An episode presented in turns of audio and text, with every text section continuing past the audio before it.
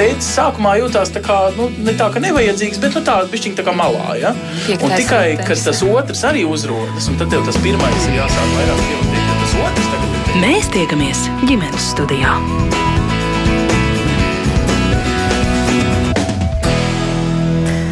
Jā, labdien! Savu skanējumu sāk Latvijas radio viens ģimenes studiju un turpmāko stundu ar jums kopā šeit es Agnese Link un arī visa raidījuma radošā komanda.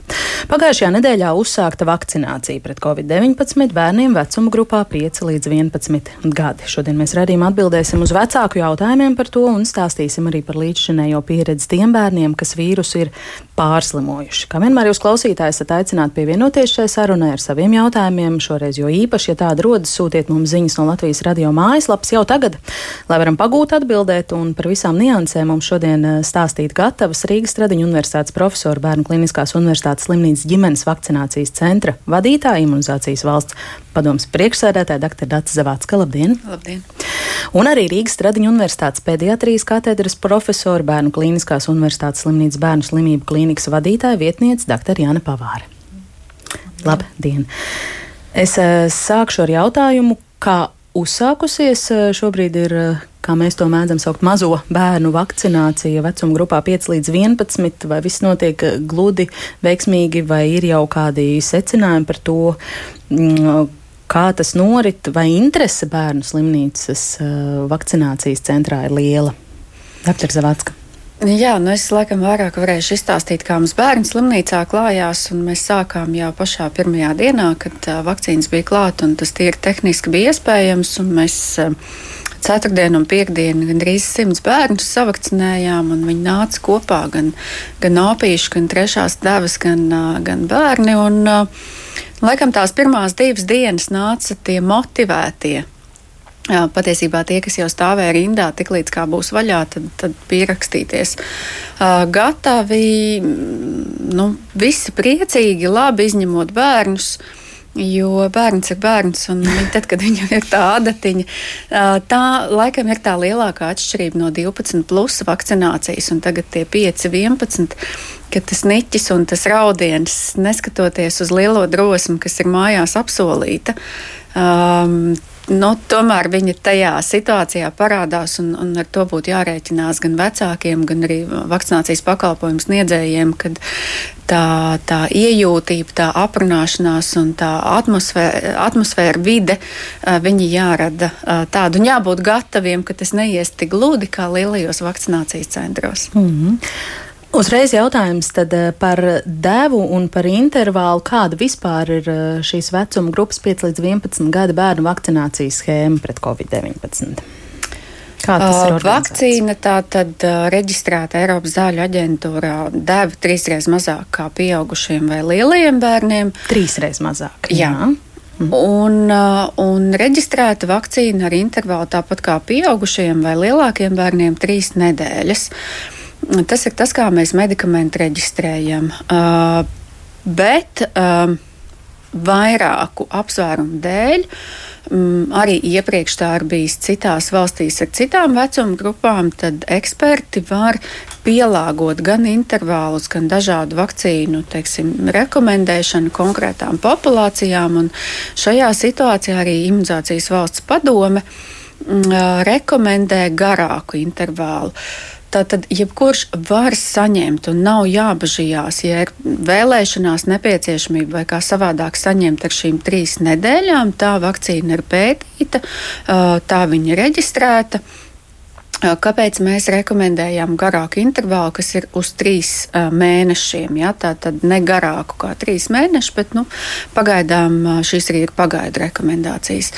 Tātad viens iemesls tas, ka mēs zinām ar vienu devu bērniem tā efektivitāte novērst arī tā skaitā hospitalizāciju, īslaicīgi un ar īslaicīgumu saprotot šos trīs mēnešus, ir laba. Un, uh, mēs viņu bērnu vecumā sasniedzam apmēram 14 dienas pēc devas uh, saņemšanas.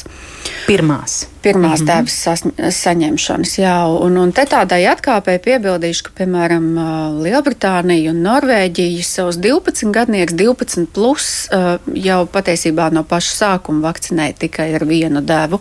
Jā. Tur nemaz nebija divas devas. Tagad Omikrona kontekstā viņi arī otru devu lielākajiem ir uzsākuši vakcinēt. Nu, lūk, tā tad bērna paša veselības ziņā viena deva uz tiem trīs mēnešiem būs labi. Nākamais, ko mēs esam iemācījušies ar Covid-19 vakcīnām, kad pagarinot intervālu, mēs varam sasniegt ilglaicīgā periodā labāku efektivitāti. Pieaugušo vecumā uz doto brīdi mēs to nevaram atļauties, jo delta ir delta un nāk omikrons, bet bērnu vecumā mēs to varam atļauties.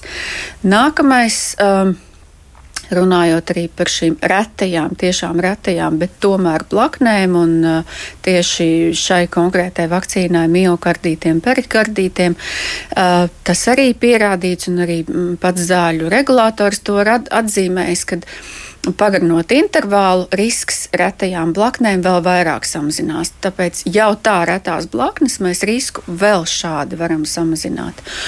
Un pēdējais, bet ne mazāk svarīgais, ir tas, ka, nu, tad, kad šī rekomendācija no imunizācijas padomus nāca, tad gan omikrons bija tik, tikko parādījies. Nu, pa šīm divām nedēļām mēs nedaudz vairāk esam uzzinājuši. Nu, un uh, esošo vakcīnu efektivitāte pret omikronu paveidu nu, nav tā labākā. Un visticamāk, mums būs nepieciešams pielāgotas vakcīnas. Tāpēc, lai tad, kad paiet šis ar vienu vakcīnu radītais aizsardzības efekts, mēs lieki nedotu to vakcīnu, kas tomēr ir mazāk efektīva. Mēs šādi varam sagaidīt arī omikronu jau pielāgotās vakcīnas, un, un gan bērniem labi, gan sabiedrībai labi, bet atkal atgriezīšos tiem, kam vajag pēc trīs nedēļām, droši to var mm. saņemt. Kas varētu būt, nu, kā jūs teicāt, vai vēlēšanās, vai nepieciešamība, lai uh, revakcinātu pēc trīs nedēļām? Nu, kādos gadījumos tas būtu optimāli nu, vispār? Visbiežāk jau droši vien tā būs ceļošana vai uh, kaut kādi citi iemesli, kad tev ir nepieciešams šis um, certifikāts. Jā, respektīvi, jā. formalitātes priekš pieaugušo pasaules. Tieši tā, un droši vien vairāk startautiski nekā vietēji, jo vietēji jau mums nekas nemainīsies. Mm -hmm. Nu jā, uzreiz birst klausītāju jautājumu, kā no pārpilnības raga mūsu ziņojumu kastē Zane vaicā, vai varētu lūdzu raksturot, kādas biežākās eh, blaknes no Covid vakcīnas vecumā no 5 līdz 11 eh, gadiem un kādas ir šo blakus parādību pazīmes, lai gadījumā, ja nu kas es varētu saprast, ko man darīt. Tad droši vien vajadzētu atšķirt, kas ir blaknes un kas ir sagaidāmās reakcijas. Sagaidāmās reakcijas ir tas, ko mēs kā pantiņu skaitām kopš vakcinācijas sākuma.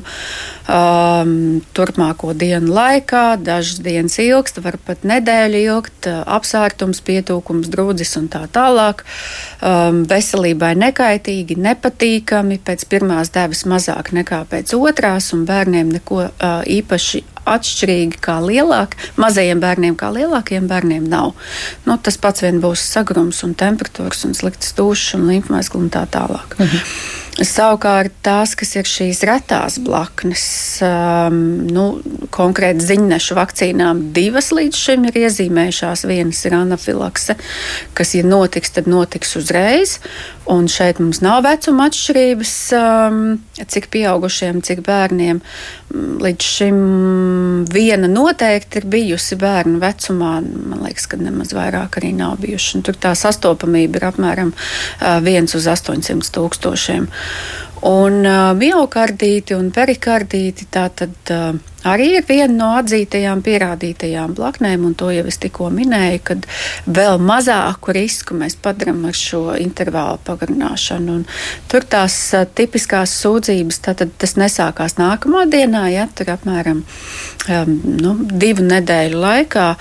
Um, spiedošas sāpes krūtī, ļoti izteikts nogurums, uh, vājums, Nu, tādas ir tās miocardīta sūdzības, un, un, un tad, tad noteikti jāsazinās ar ģimenes ārstu.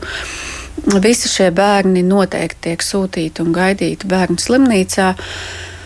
Mēs apzināmies, ka, un jau tagad ar 12 gadniekiem esam redzējuši, ka um, uz iedomu pamatu, uz tā, ko mēs dzirdam apkārt, ko runā vecāki, vecvecāki, kas ir sociālajos tīklos. Mums ir bijuši vairāki bērni, kas nāk ar tipiskajiem simptomiem, mēs viņus izmeklējam, un jāsaka, diemžēl tas ir galvā no tām bailēm radies. Mm -hmm. ja? Mhm. Tur nav nekāda bojājuma, bet, eh, protams, mēs eh, katrs šādas bažas eh, mēģinam respektēt un izmeklējam. Un, un, un, nu, tur tā sastopamība nevajadzētu būt biežākai, kā viņi ir vecuma grupā no 12 gadiem. Mm -hmm. Tieši gribēju vaicāt, jūs pieminējāt anafilaksi viens no 800 sastopamību, tad šie miocardīti šajā vecuma grupā? Te viņi atšķirsies, viņi atšķirsies zēniem un meitenēm. Un, uh, nu, 5, 11 gadu vecuma grupā mēs vispār nevaram pateikt sastopamību, jo vakcīna tātad reģistrēta ar pētījumu, kur piedalījās 3000 bērni. 3000 bērni ir par maz, lai mēs pateiktu retās blaknes. Savukārt, ņemot vērā no tiem, tām valstīm, kur patreiz jau ilgāku laiku notiek intensīva vakcinēšana, Izraēla, Amerikas Savienotās valstis, mēs vēl to sastopamību nevaram pateikt. Mm -hmm. Bet, no, no, tā, ko, tas, ko mēs zinām no pusauģiem, tie varētu būt piemēram kaut kādi 20 gadījumi, mm, 11 gadījumi uz, uz, uz miljonu. Mm -hmm. Cik pasaulē šīs 5 eh, līdz 11 vecuma grupas bērnu jau ir savakcinēti? No aptuveni, nu, tie ir miljoni. Droši vien ne, nevarēšu pateikt. Uh, jo Amerika un Izraela ir tie, kas intensīvāk vakcinē. Eiropa patiesībā ir tik, tikko dažas valstis tikai sākušas. Da, ir daļa valstu, kas vispār nav sākušas vēl vakcinēt šo vecumu grupu. Mm, bet no lielās Eiropas valstis, tur Vācija šo 5 līdz 11 jau kādu. Nē, tieši tā. Nē, nu, visa Eiropa saņēma vakcīnas vienlaicīgi. Ja? Tā kā Austrijas tur bija tāds. Uh, šīs Covid arī eh, laika mm, iezīme, kad politiķi pieņem lēmumus um, Vīnes mērs, nevis Austrijas vadītājs vai kā savādāk. Vīnes mērs pieņēma lēmumu un uh, Vīnē saņēma vakcīnu izvelkot no pieaugušo flakonu bērnu 5, 11 mm. gadu. Pie mums tā nenotiek. Nē. Jā, Ilza raksta, bijām pagājušajā nedēļā bērnu slimnīcā, lai saņemtu vakcīnu. Paldies par lielisko pakalpojumu. Ārsta bija atsaucīga, visu izskaidroja, runāja ar bērnu, ne tikai ar pieaugušo medmāsu, bija atsaucīgs kopējā atmosfēra, mierīga, atsaucīga, un gan pieaugušie, gan bērni jutās droši. Paldies!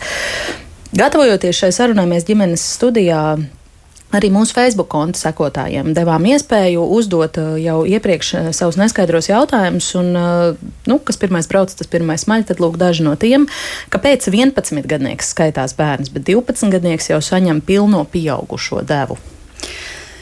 Jā, lai gan ir pierasts, ka medikamentus bērniem dod uz kilogramu svaru vai uz kvadrātmetru ķermeņa masas, bet vakcīnas nerēķina ne pēc svara, ne pēc auguma. Vakcīnas rēķina pēc imūnās sistēmas atbildes. Mēs zinām, ka līdz diviem gadiem ir tāda mazāka imūnā atbilde, ja vājāka imūnā atbilde, līdzīgi kā senioriem, bet uh, 9, 11 gadi ir atkal cits atsevišķs periods, un, un, un kad patiesībā ļoti labi imūnā atbild, uh, imunā sistēma atbild, tāpēc mums arī pietiek ar mazāku devu. Un, um, pēc vecuma, pēc imunās mm -hmm. sistēmas atbildes spējas. Bet tā arī ir, ka 12 gadnieks, es skatoties šo jautājumu, aizdomājos, vai 12 līdz 16 arī nebija mazāk deva kā pieaugušajiem. Nē, tāda pati. Tāda pati. Vēl kāds klausītāja jautājums, vai atšķiras imunitātes līmenis, kuru pēc pirmās potes uh, saņem pieaugušais un kuru saņem bērns? Nu, tas laikam ir par to aktīvo imūnsistēmas atbildību. Uh, jā, nu, te droši vien tas pieaugušais ir jāsadala, vai viņam ir 30 gadi un, un, un viņam nav nekādas citas blakus saslimšanas, vai viņam ir, teiksim, 65 gadi un vēl cukurdiabēts. Mm. Bet um,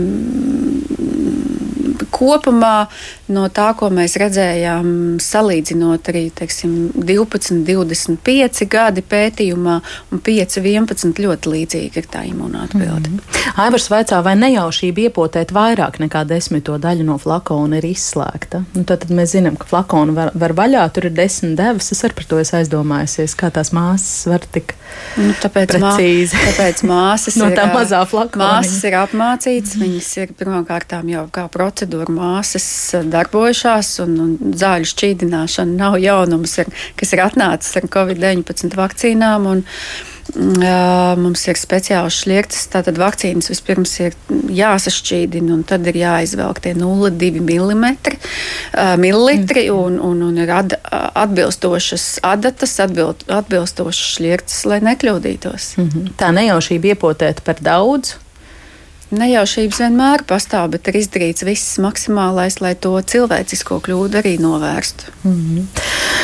Diezgan daudz birsti jautājumu arī tieši par omikronu pielāgoto vakcīnu. Un, jā, vēl viens tāds arī jautājums no mūsu sociāliem tīkliem. Ja bērns pirmo vakcīnu saņems tagad janvārī, nākamā pēc Latvijas noteiktā trīs mēnešu intervāla optimāli tātad būs aprīlī. Pilna imunitāte vakcinācijas certifikāts maijā, kad parasti Covid izplatība dabiski mazinās.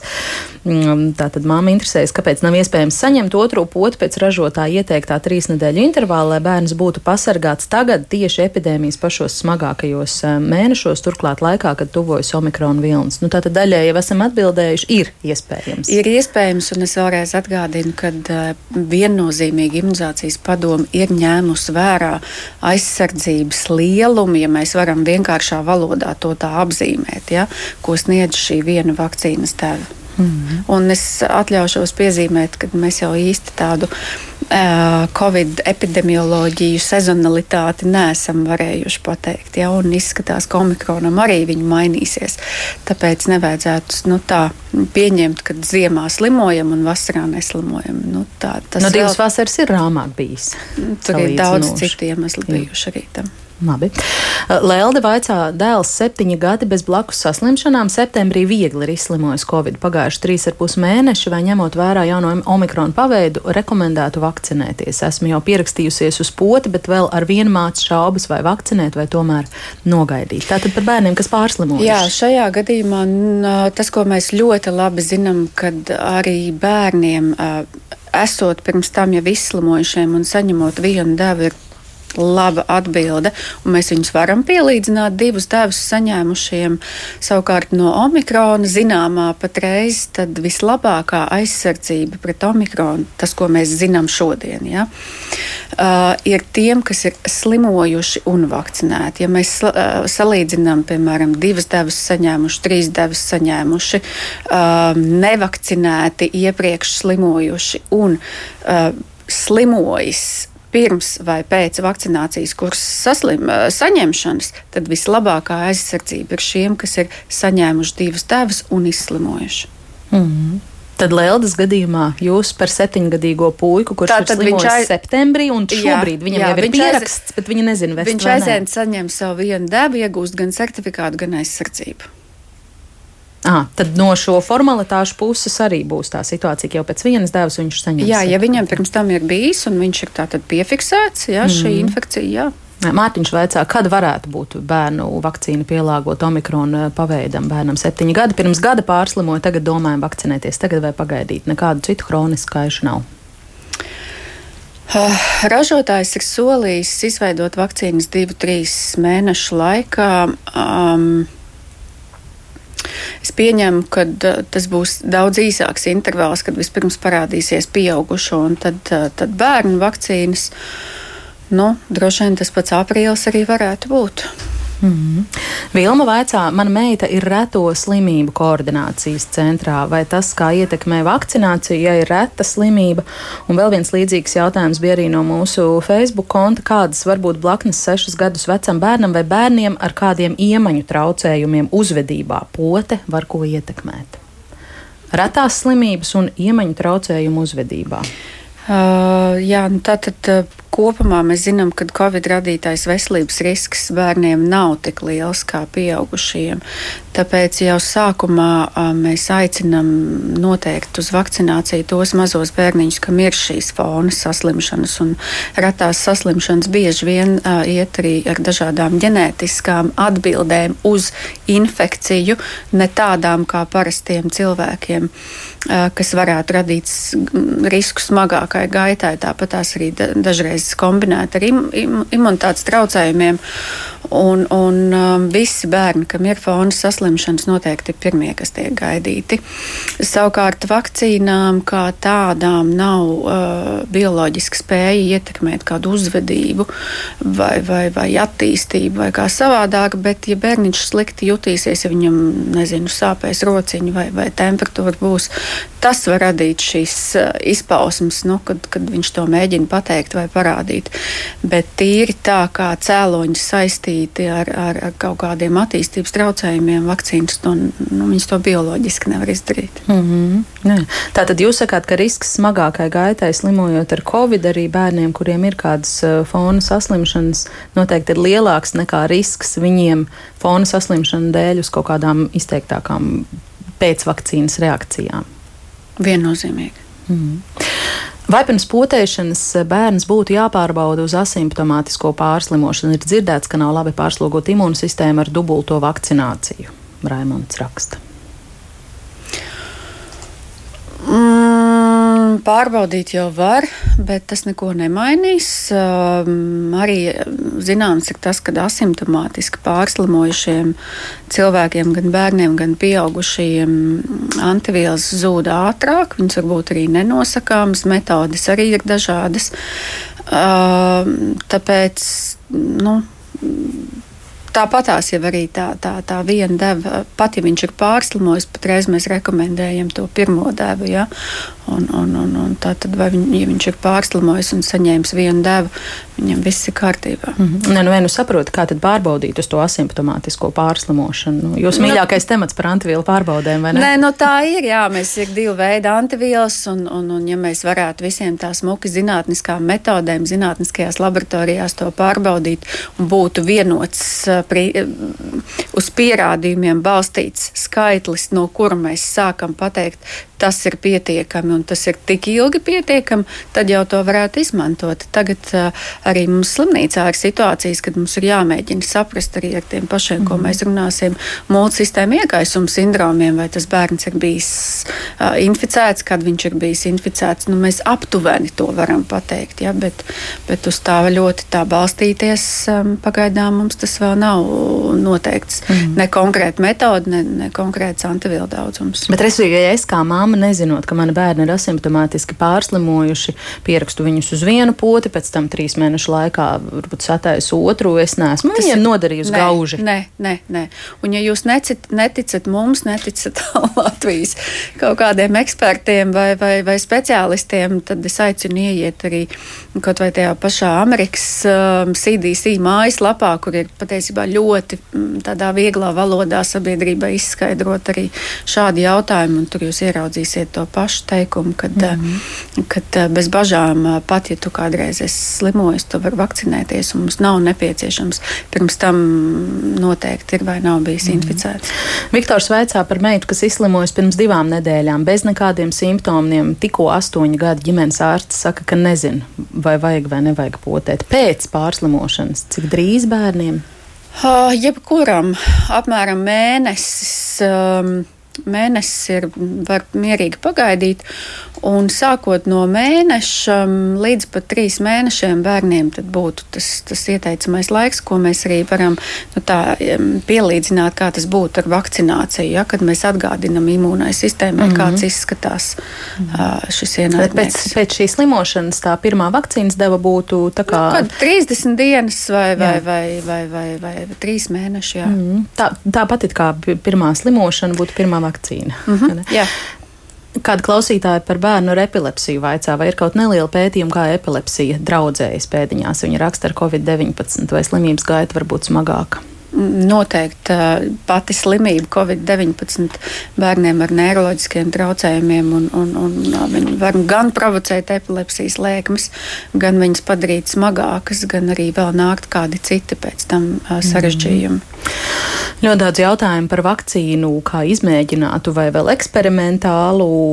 Tad arī citēšu kādu mūsu Facebook sekotāju līdzīgu jautājumu. Tur tāda esence ietverta. Viņa raksta, ka Federal Drug Agency un Pfizer konsultatīvās komitejas ziņojumā esot norādīts, ka pašreizējās klīniskās izstrādes programmas dalībnieku skaits ir pārāk mazs, lai atklātu jebkādus iespējamos miocardīta riskus, kas saistīti ar vakcināciju. Vakcīnas ilgtermiņa drošība tiks pētīta piecus pēc reģistrācijas drošuma pētījumos, tostarp piecu gadu ilgā novērojuma periodā, vai saskaņā ar šo informāciju mūsu bērni būs bezmaksas medicīniskā pētījuma objekti? Nu, viņa, šī klausītāja nepateica neko jaunu. Es tieši to pašu pateicu pirms pār desmit minūtēm par to, ka re, vakcīna reģistrē, reģistrēta ar um, 3000 pētījuma, pētījuma dalībnieku, kas retajām blaknēm tiešām ir nepietiekami. Bet Šī nav pilnīgi jauna vakcīna, un uh, mums ir miljoni, miljardi izvakcinēti pieaugušo un jaunu pieaugušo. Mums ir miljoni izvakcinēti 12, plus, un tas arī kaut ko nozīmē.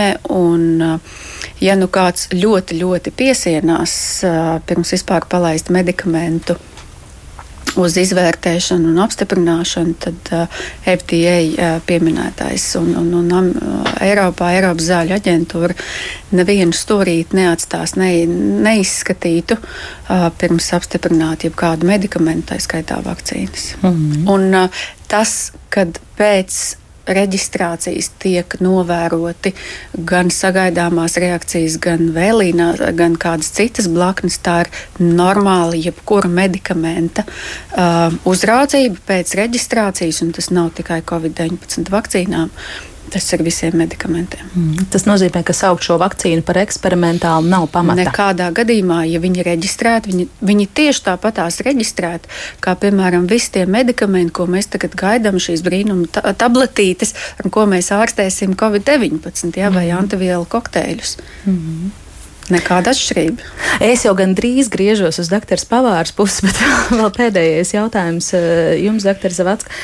Kad mēs uzzinājām, ka decembra otrajā pusē Latvijā tiks piegādātas eh, šīs eh, vakcīnas, būs piegādes un varēs uzsākt šīs vecuma grupas potēšanu, nu, sociālā tīkli bija pilni mm, ar, ar tādu, kā varētu teikt, jūsu teiktā tulkojumu. Jo ļoti daudz traktēja to, ka jūs teicāt, ka būtiski savakcinēt riska grupu bērnus kā ieteikumu no jūsu puses visus bērnus šajā vecuma grupā vispār nepotēt. Kā jūs tagad formulētu, nu, kā vecākiem uz to paraudzīties? Nu, es joprojām tā saku.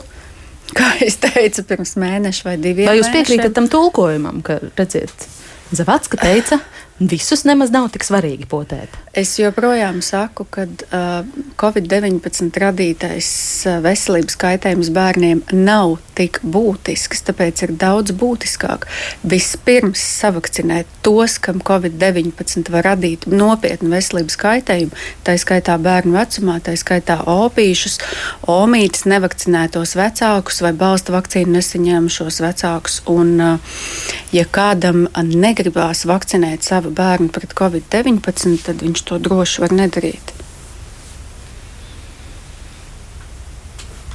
Labi. Es atgādināšu, ka ģimenes studijā mēs šodien runājam par bērnu vakcināciju pret covid-19 un uh, gribam uh, stāstīt arī par to, kāda ir tā pieredze ar tiem bērniem un viņu veselību, kas uh, vīrusu ir pārslimojuši. Droši vien, ka jautājumi par vakcīnām un vakcināciju vēl turpinās pirt mūsu pasta kastē un uh, tos arī vēl uh, pārskatīsim, bet tagad es pievēršos uh, doktor Janai Pavārai.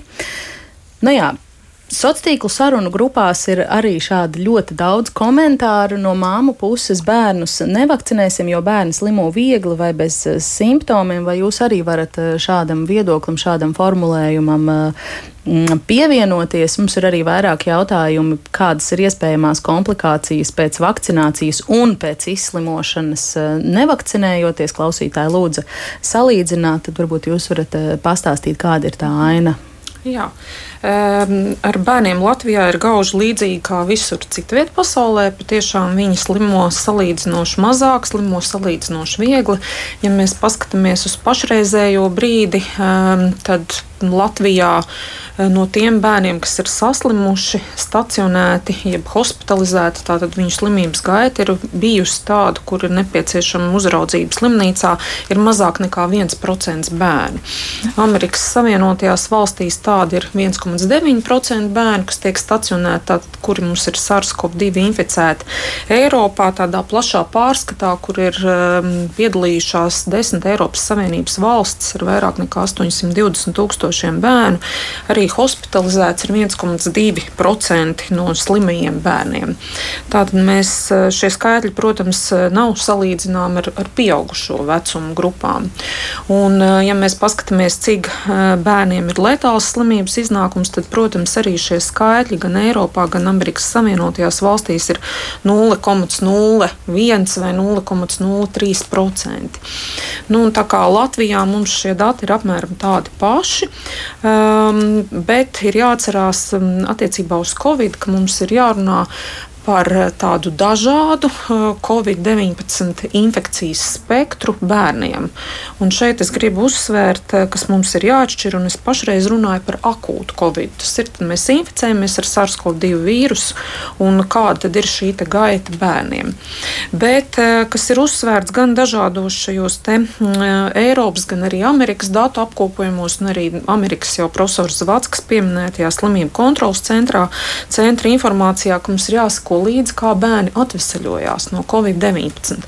Un, uh, neskatoties uz to, ka viņi slimo viegli, uh, vai arī ka um, varbūt viņi slimo arī asimptomātiski. Un šeit ir tāda viena blakne, jeb tāda postvirāla reakcija. Tā nav blakne, tā ir postvirāla reakcija, uh, kas ir vērojama bērnu vecumā. Ļoti reti arī jauniem pieaugušajiem, bet bērnu vecumā, un tas ir jau iepriekš pieminētais multisistēma iekaisuma sindroms. Uh, tas nozīmē, ka bērniņš pārslimo, ja ir inficēts ar SARS-CoV-2, un paiet divas, četras, dažkārt arī sešas nedēļas, bērns jūtās labi, bet tad pēkšņi seko strauji veselības stāvokļa pasliktinājums. Un tas nozīmē, ka šī vīrusu ietekmē, SARS-CoV-2 vīrusu ietekmē, bērna imūnā sistēma reaģē ar tādu pārmērīgu iekaisumu reakciju. Un tā iekaisuma reakcija tiešām ir pārmērīga. To nosaka lielā mērā šī bērnu imūna imunā sistēma un arī šis mums tomēr atšķirīgais vīrus no iepriekš mums zināmajiem. Un e, tāda iekaisuma reakcija izpaužās vairākās orgānu sistēmās. Tāpēc arī šo sindromu sauc par multisistēmu. Iekaisuma sindromu ar multi, domājot, ka šīs orgānu sistēmas ir vismaz trīs un vairāk. Un, e, Tajā brīdī gan bērni slimo smagi, Un eh, atbilstoši pasaules datiem, un arī Latvijā, apmēram pusē bērnu gan ir nepieciešams uh, viņus ārstēt un sniegt palīdzību intensīvās terapijas nodaļā. Ar to mēs saprotam, ka bērnu stāvoklis ir smags. Uh, Latvijā līdz šim mums ir bijuši jau 28 šādi bērniņi. Uh, jāsaka, mēs patiešām esam ļoti laimīgi par to, ka mums nav bijis neviens nāves gadījums. Ir citvieta pasaulē arī, diemžēl, letāli iznākumi iznākumu ļoti neliels procents, bet tomēr var būt. Bet katrā ziņā slimības brīdis un šis multisistēma iekaisums sindroms ir smags. Šie bērni pēc tam paliek arī ilgstošā speciālistu uzraudzībā, jo visiem bērniem ir arī sirds asinsvadu sistēmas bojājums, jeb kardiāls bojājums, kas ir nopietns un kas pēc tam, protams, prasa ilgstošu uzraudzību, atrašanos kardiologu uzraudzībā un arī citu speciālistu uzraudzībā uzraudzībā. Tā ir viena no šīm bērnu mm, Covid-19 infekciju izpausmēm, kurām mēs pievēršam uzmanību. Mēs jau gadu runājam par šo multisistēmu iekaisumu sindromu, ja mēs viņu apzīmējam ar mists. Pirmie pacienti mums parādījās pagājušā gada janvārī. Parasti tas sakrīt ar brīdi, kad sabiedrībā ir pīķis, un tad paiet divas, četras nedēļas, un tad mums parādās šie mists pacienti, kuri parasti tiešām ir tādi viņi nāk viens pēc otra. Ja, tad mēs jūtam, ka sabiedrībā šī saslimstība ir bijusi. Uh, nu, lūk, un tad mēs esam arī, protams, par šiem simptomiem informējuši arī ģimenes ārstus. Mēs esam informējuši arī reģionālās slimnīcas, jo slimības gaita ir strauja.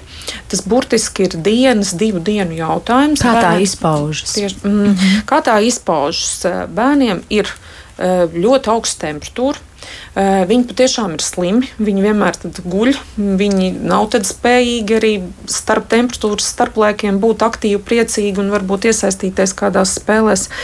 Eh, visbiežāk bērniem ir eh, akūtas vēdersāpes, kuras bieži mēs varam padomāt, ka tā varbūt ir kaut kāds akūts apendicīts vai pēkšņi sākusies zarnu infekcija, jo ir arī vēmšana, varbūt arī caurēja. Ļoti daudziem bērniem ir arī uz ādas dažādi rakstura izsitumi, plaši, labi redzami. Bērniem ir arī, mm, mēs saucam tās par inicētām sklērām, bet ļoti spilgti sarkanas actiņas, varbūt arī sarkanas lūpas. Un bērni jūtās slikti, jo viņiem ir arī šis sirds iesaist, un tas nozīmē, ka ir šis lielais nespēks, vārgums, ja, un, un tie ir tie simptomi. Bērniem var būt arī klepus, jo daudziem no šiem bērniem mm, ir arī plaušu karsoņu pneimonijas arī dzen attīstās. Nu, bērns katrā ziņā ir tādā stāvoklī, ka vecākiem tad ir skaidrs, ka ar šādu bērnu mājās viņi netiks galā un viņi mājās nevarēs izārstēt.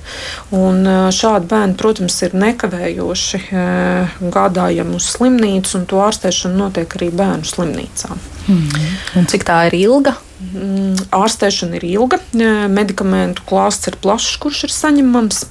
Visbiežāk bērnu stacionārā atrodas vismaz divas nedēļas un ilgāk, bet, kā jau teicu, pēc tam ir ļoti detalizēts novērošanas plāns. Patiešām šie bērni no visas Latvijas brauc pie mums atrādīties, un viņu veselībai tiek sekots līdzi. Mm -hmm. Un šis ir, kā mēs jau pirms mikrofona ieslēgšanas precizējām, šis ir pilnīgi kaut kas cits nekā tas, ko mēs saprotam un saucam par garo covid.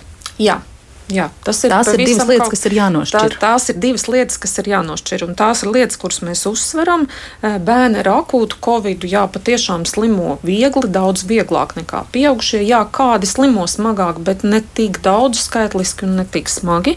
Bet esam uzmanīgi ar to, kā bērni atvesaļojās un sekojam līdz divām lietām - šai iespējamai multisistēma iekaisuma attīstībai, un otrs, tātad kā bērni atvesaļojas ilgtermiņā, vai viņiem neattīstās gadījumā šī šī ilgā covid, jeb long covid simptomātika, kur, protams, arī savā ziņā ir atšķirīga no pieaugušajiem.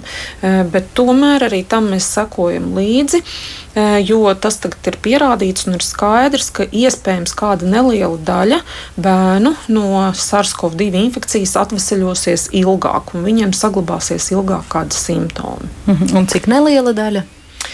Šeit dati arī vēl aizvien tiek apkopoti. Tie procenti tiek minēti dažādi. Tas ir no 2 līdz 4 līdz pat 10 procentiem bērnu. Protams, tur ir jāņem arī vērā, ka vēl aizvien bērniem nav skaidri definēts, kas ir šis garais covid. Pašreiz mēs domājam par simptomiem, kuri turpinās ilgāk nekā 3 mēnešus no tā brīža, kad bērniņš ir saslims.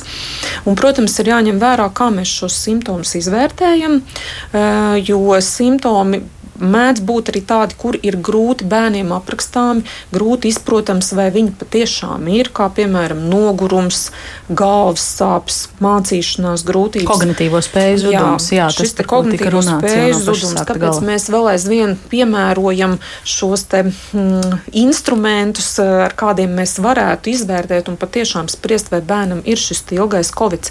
Ir arī tā saucamie simptomi, kas ir labi pamanāmi, ja mums ir klepus, piemēram, ja, bet Eh, vai, vai ir kādas muskuļu sāpes, ja, vai locītavas sāpes, ožas zudums, tas, tas, tas ir vieglāk pamanāms. Ja, bet šādi nogurums, miega traucējumi ir speciāli šie izvērtēšanas rīki, lai patiešām spriestu, vai bērnam ir šis ilgais covid vai nav ilgais covid.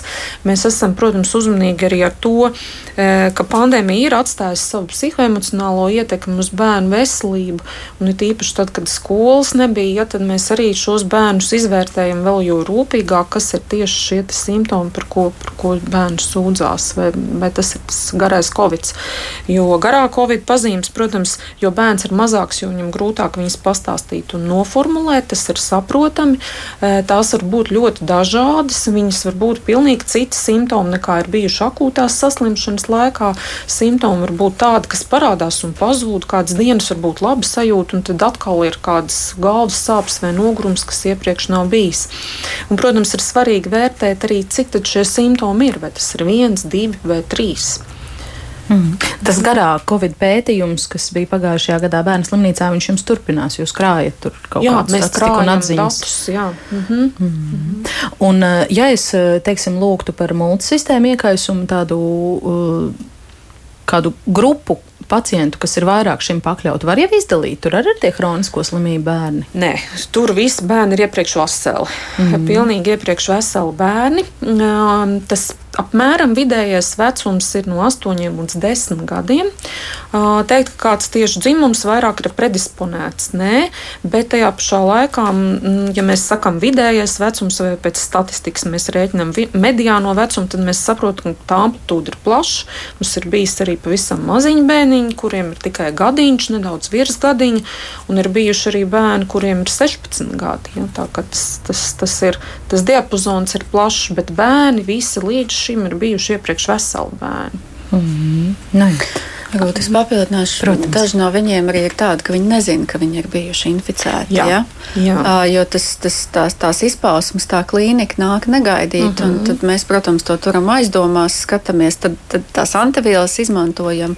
Viņi paši nav zinājuši, ka viņi ir bijuši uh -huh. inficēti. Tā arī var būt. Tā arī ir. Jā. Tā, tā ir īpaši bija janvārī, ka, kad vienkārši bija tikai stāsti, ka, uh -huh. ka man klasē bija un es biju kontaktpersona ja, un, un, un, es nezināju, ka ka, esmu inficēts. Mm -hmm. Nē. Mm.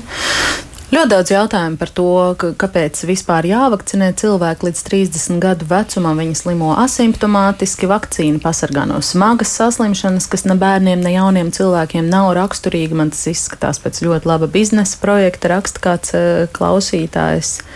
Jā, daudz arī vecāku sarunās šie komentāri. Ko jūs uh, tiem varētu atbildēt? Nu, nevajadzētu visus likt vienā maisā. Jaunus cilvēkus un mazus bērnus. Un, un, un, jā, um, cilvēkam 20 un 30 gados ir stipri mazāks risks nomirt no covid, bet um, arī tiem pašiem bērniem uh, būs tādi cilvēki, ka mēs iepriekš nevarēsim paredzēt, kāpēc viņam tā gaita aizgāja tik smagi. Vai tomēr ar vakcīnām, jo īpaši jauniešiem, jauniem cilvēkiem, mēs novēršam arī šo viņu saslimstību kā tādu, kad. Um, Tad, kad viņš ir nevakcinēts un saslims, viņš aplipina daudz vairāk pārējos savukārt nekā, ja viņš ir vakcinēts. Un Tagad mēs zinām, vakcinēti slimo, un jo vairāk būs vakcinēta populācija, jo vairāk būs infekcijas vakcinēto vidū.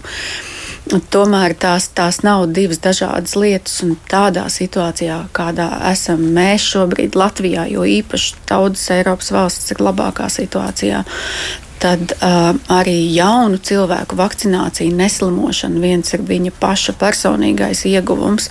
Uh, sevišķi mēs to varam izdarīt ar drošu un efektīvu metodi, gan arī tas uh, tomēr tā mūsu sociālā atbildība. Mm -hmm.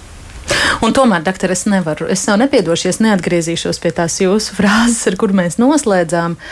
Jūs teicāt, ja kāds nevēlas savu bērnu vakcinēt pret covid-19, viņš var to nedarīt, un es uzreiz galvā sāku likt šo pašu uh, teikumu kopā. Ja mēs šeit studijā runātu, nezinu, par masalām, par difteriju vai, pret, uh, vai par tuberkulozes vakcīnām maziem bērniem, pavisam maziem bērniem, un mēs esam šeit, šeit studijā to, ar jums to darījuši, un jūsu nostāja ir bijusi kategoriski, bērni ir jāpasargā.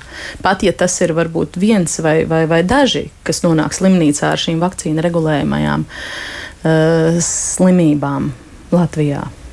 Jā, tā analoģija nepastāv. Jo es nevaru iedomāties, ka es no jums dzirdētu, ka jūs teiktu, ka, uh, ja kāds nevēlas, tad uh, droši nevakcinējiet pret difteriju, masalām vai tuberkulozi savus mazos bērnus. Nu, mēs nevaram salīdzināt infekcijas smagumu un infekcijas radīto kaitējumu, ne difteriju, ne masāls. Tieši tāpēc arī Uh, tieši tāpēc arī tās ir tās infekcijas, kurām ir, izveid, ir, ir bijusi iespēja izveidot vakcīnas, un viņas joprojām ir mūsu kalendāros. Un mēs nevēlamies atpakaļ šīs epidēmijas, kādas viņas bija toreiz. Uh, Es nesaku, ka nevajag vakcinēt veselus bērnus, bet šobrīd, šajā situācijā, kad kāds jums teiks, ka es negribu savu bērnu vakcinēt, viņš var nevakcinēt. Viņam nav obligāta vakcinācija. Bet, Nē, ja nu, viņš grib vakcinēt, bet, ja viņš grib vakcinēt, tad uh, vakcīna ir laba un efektīva.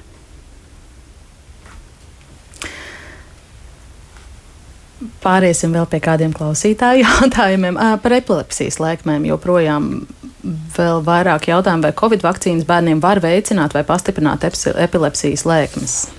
Kāpēc šie jautājumi atkārtojas? Vai ir kaut kāds pamats eh, cilvēkiem šādi domāt, ka bērniem Covid vakcīnas un epilepsija ir kaut kas Nē, jebkura vakcīna tas jau diezgan vēsturiski, un joprojām arī vakcinācijas kabinetā mēs uh, dzirdam vairāk šīs bažas un, un, un, un tādus mītus, kad sevišķi neiroloģiskiem pacientiem nevajag vakcinēties, uh, ir pilnīgi pretēji, kur varbūt tam aug kājas, kad cilvēkiem pie temperatūras.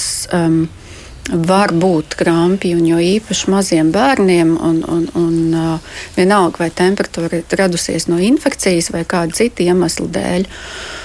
Um, Tāpēc varbūt kādam arī pēc vakcīnas uh, paceļoties temperatūrai, ja viņa netiek adekvāti regulēta, var būt šī epilepsijas pacientam krampju lēkme. Ja? Bet tā nav vakcīnas ietekme, tā ir temperatūras ietekme. Bet visādi citādi noteikti es nevarētu izdalīt Covid-19 vakcīnas. Vienalga, vai tā būtu remtīdais artrīts vai epilepsija vai, vai kādas autoimūnas saslimšanas citas, tieši tiem, kas ir slimi. Uh, fonā ar kādu citu nopietnāku, ilgstošu noritošu slimību, tad Covid-19 jau viņš var rēķināties, ka var noritēt smagāk, plus šī Covid-19 infekcija, visas bioloģiski aktīvās vielas, kas mums izdalās masveidā pie inficēšanās, var ietekmēt to fonu saslimšanu. Un varbūt mēs tikko, tikko esam smukaru speciālisti viņu sakārtojuši, panākuši kaut kādu remisiju, tādu miera periodu, un tad saslimstot ar Covid-19 19, tas viss tiks izjaukts. Mm -hmm. Māris vaicā, vai iespējams, kā iespējams ne, neinficēties ar covid ģimenē, dzīvojot cieši kopā un guļot vienā gultā. Māmiņai bija pozitīvs tests, bet tētim un bērnam negatīvs. Tā infekcijas slimībās mēdz notikt arī ne tikai Covid-19, bet arī ar citām infekcijām. Uh, tad mēs sakā, varam atgriezties pie šīs personalizētās medicīnas, ja, kā, kā, kā vienam nostrādā. Ne tikai imūna atbilde, bet arī ģenētiski noteiktā imūna atbilde. Un, un ir arī ar citām infekcijām bijis, ka tik ciešā kontaktā liekas loģiski, ka visiem būtu jāinficējās, bet, bet kāds nav inficējies. Tas savukārt nenozīmē, ka nākamreiz, esot kādā citā brīdī kontaktā, ka viņš arī neinficēsies, ka viņš ir tagad tāds supermens, superimūns, ja viņš ar šo infekciju neinficēsies. Vienmēr infekcijas slimībās mums ir tāda klasiskā trijotne, ja, ir uh, vide cilvēks un mikroorganisms. Un viņiem visiem trijiem, esot noteiktās attiecībās, noteiktā brīdī, mums norit saslimšana vai inficēšanās, un, un, un, un tie ir vienmēr mainīgi apstākļi. Mm, jā. nu, tad diezgan daudz jautājumu vēl ir par to, kāpēc uh, tur nesaslima vai šur nesaslima ar, ar covid. Cerams, pieņemsim, ka uz tiem arī tagad ir atbildēts. Ilza vaicāja par, par, par lielajiem pusauģiem, kāpēc 16-gadīgam puisim uh, tika ievadīts abas moderna injekcijas, ja iepriekš tika teikts, ka tas nebūtu uh, vēlams. Nu, mums gan nav informācijas par to, kur un kad uh, tas ir noticis, bet šobrīd 16-gadniekiem puišiem modernas vairs nerekomendē vakcīnas. Ne tikai puišiem. Nu, nav jau tas, nevajag to visu arī tā pārspīlēt. Ja, ja mums ir divas uh, vienlīdz vai ļoti līdzīgi efektīvas vakcīnas, tikai vienai tā deva ir lielāka, kas rada uh, augstāku, nedaudz augstāku risku notikt kaut kam nevēlamam, kas jau tāpatās notiek reti. Bet, ja mēs viņu varam vēl novērst, tad kāpēc to nedarīt?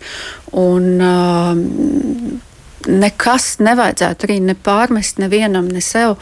Ja tiek teiksim, arī jauni cilvēki savakcināti ar modernu vakcīnu, ir reģistrēta un viņi ir droši un viņi ir efektīvi. Bet, ja mēs varam izvēlēties no daudziem produktiem ar tikpat labu aizsardzību un kaut vēl mazināt jau tā mazos riskus, tad, tad jā. Mm -hmm. Tāpēc arī tā rekomendācija nāca vēlāk. Ne, no paša sākuma jau arī moderni, kad tika reģistrēta 12 gadu vecumā, un, un, un cik liela daļa pasaulē ir izvakcinēta un turpina vakcinēt, un viss kārtībā. Mm -hmm. Agris jautā, pēc cik ilga laika jūs prāt bērnu vakcinācija kļūs par obligātu? Covid-19? Nu, droši vien, jā. Nu, iespējams, ka nekad. Mm.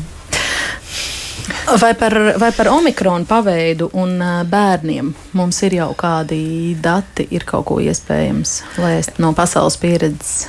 Jā, es paturpinot arī profesoru Zavātskas teikto un to, ka mm, izprotot arī to, ka cilvēkiem ir jautājumi, jo mēs esam pieraduši, ka mums ir pilnīgi viss līdz šim bijis skaidrs, kā darīt un kā rīkoties ar vakcīnām un ar lielāko daļu infekciju patiesībā.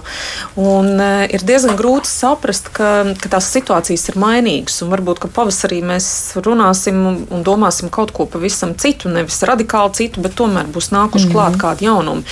Un, uh, tas vienkārši ir jāpieņem kā arī mums mainās informācija, ko mēs saņemam. Mums pienāk klāt infor šī informācija, un, un e, nevar uzreiz tā viennozīmīgi visu pateikt. Ja? Tas ir tāpatās kā varbūt ar šīm balsdevām un tā tālāk.